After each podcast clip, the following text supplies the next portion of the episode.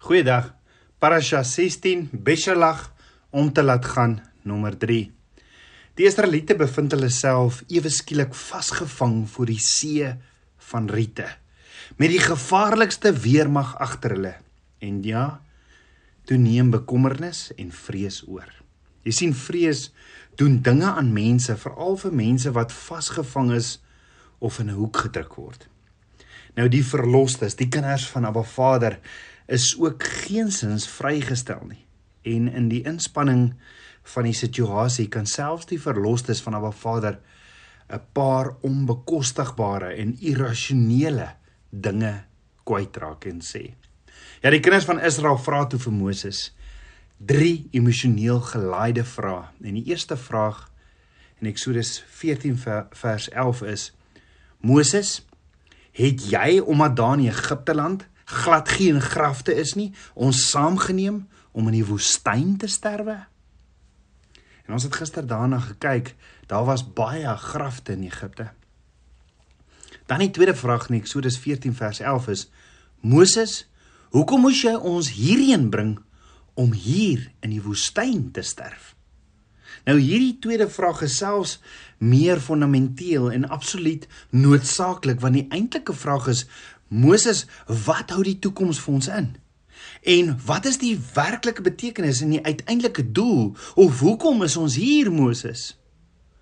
Hoe baie vra ons nie ook die vraag as ons in mens onmoontlike situasies beland of as die vrees ons bekruip, die vrees van die dood aan die deur kom klop nie.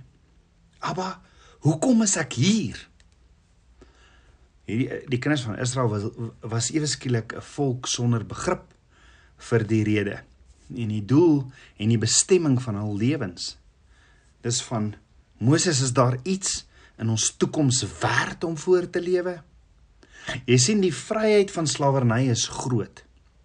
Maar net as daar iets sinvol is om voor te lewe, So hoekom bevind Abba Vader se Shema kinders hulle self in hierdie situasie?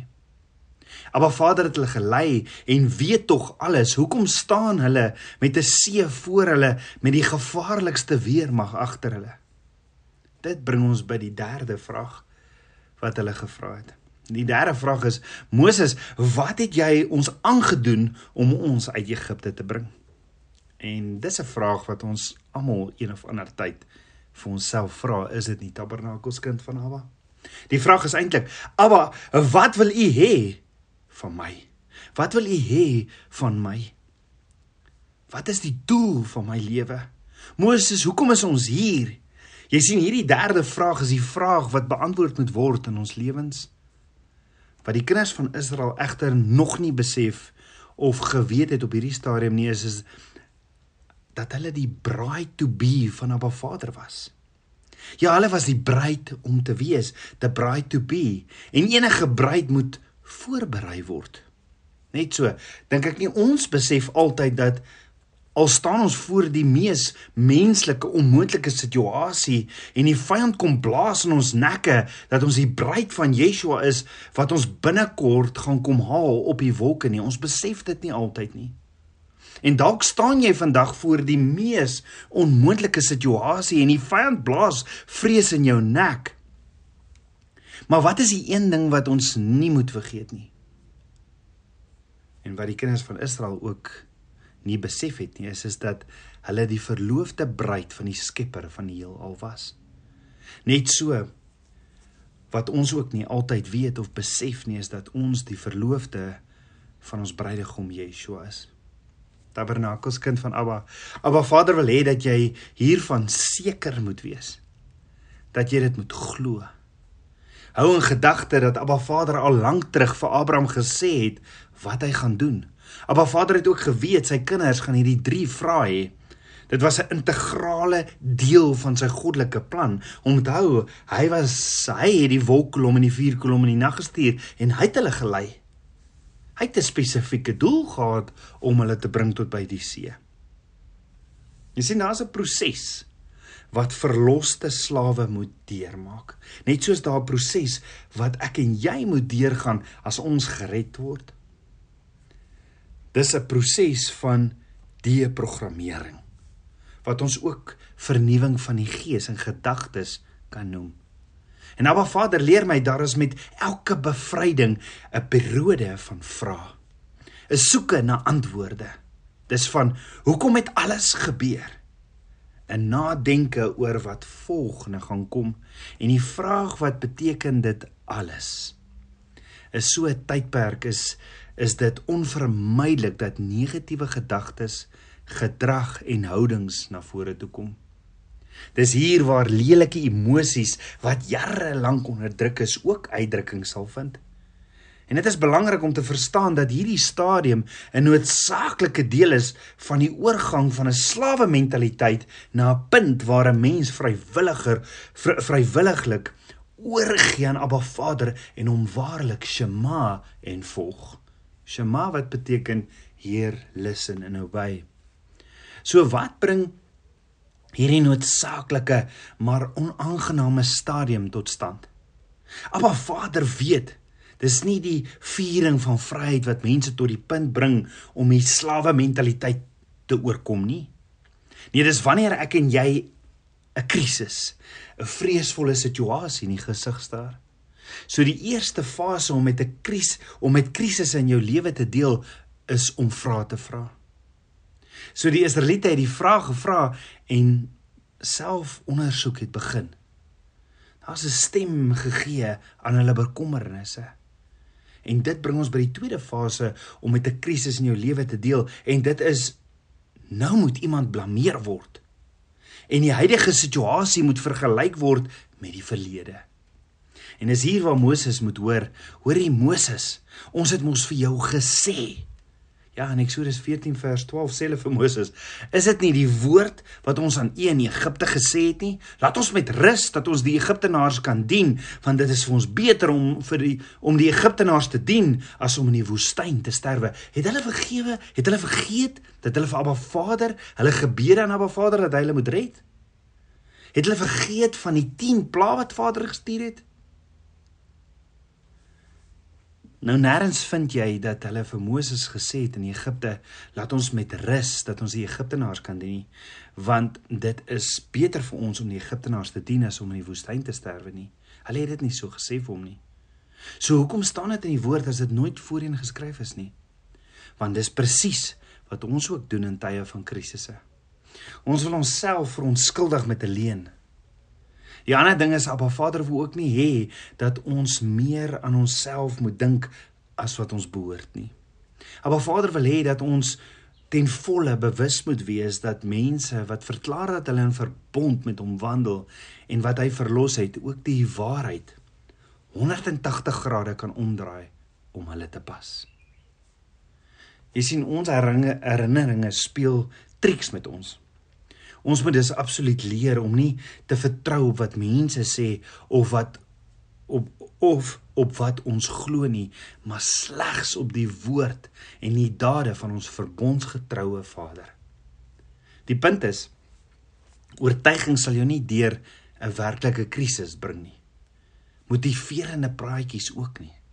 Slegs Abba Vader, die God van Abraham, Isak en Jakob, het hierdie soort mag. En dit bring ons tot die gevolgtrekking of die hoogtepunt van hierdie selfondersoek tydens krisisse en uitdagings wanneer wanneer ons verlos is.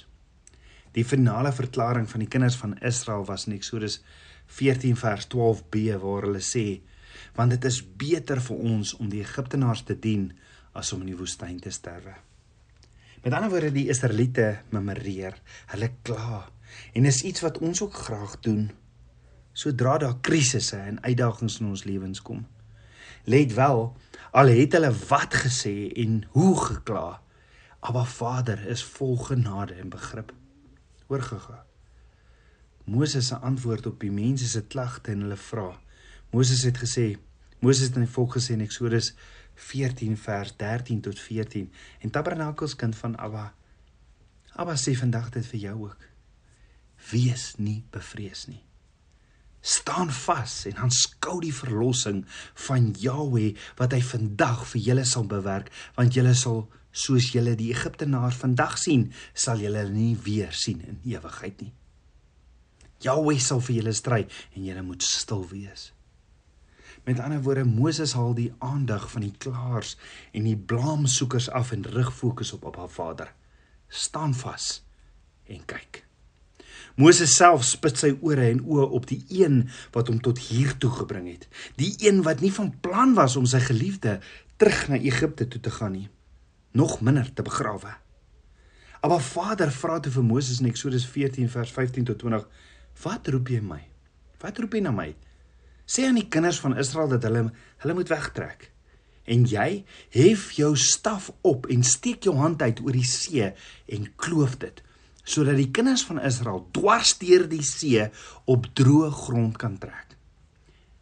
En ek kyk ek sal die hart van die Egiptenaars verhard sodat hulle agter hulle aangaan en ek wil my verheerlik aan Farao en sy hele leermag aan sy strydwaans en aan sy ruiters en die Egiptenaars sal weet dat ek Jahweh is as ek my verheerlik as ek my verheerlik aan Farao aan sy strydwaans en aan sy ruiters En die engel van God wat voor die voor die leer van Israel uitgetrek het, het daar weggegaan en agter hulle aangetrek. En die wolkkolom het ook voor hulle weggetrek en agter hulle gaan staan, sodat dan tussen die leer van die Egiptenaars en die leer van Israel ingekom. En die volk was daar met die duisternis en dit het nag, dit het die nag verlig sodat die een nie naby die ander gekom het nie en die hele nag deur nie.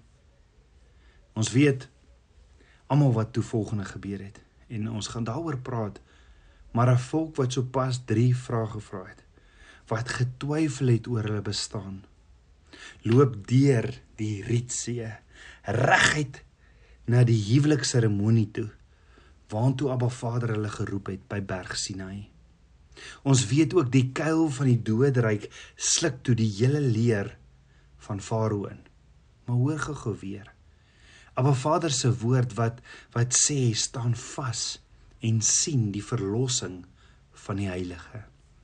Met ander woorde Abba Vader sê dis nie tyd vir vrae of enigiets nie.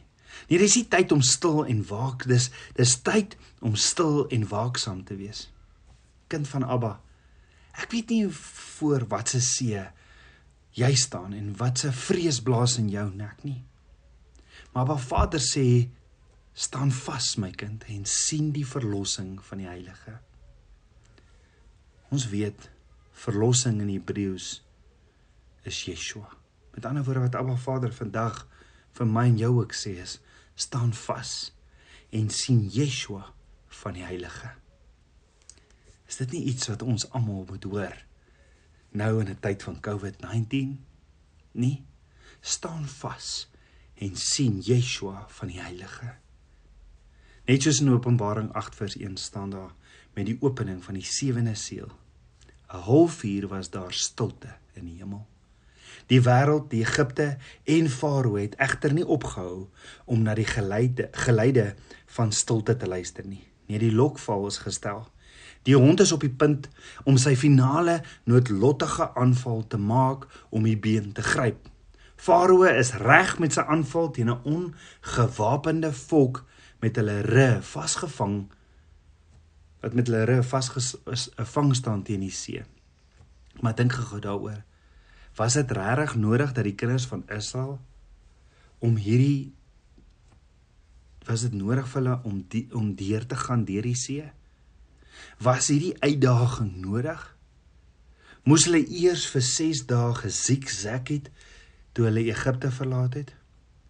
Of was dit regtig nodig dat hulle met hulle oë eie oë die vernietiging van die magtige leer van Farao sien val het? Ja.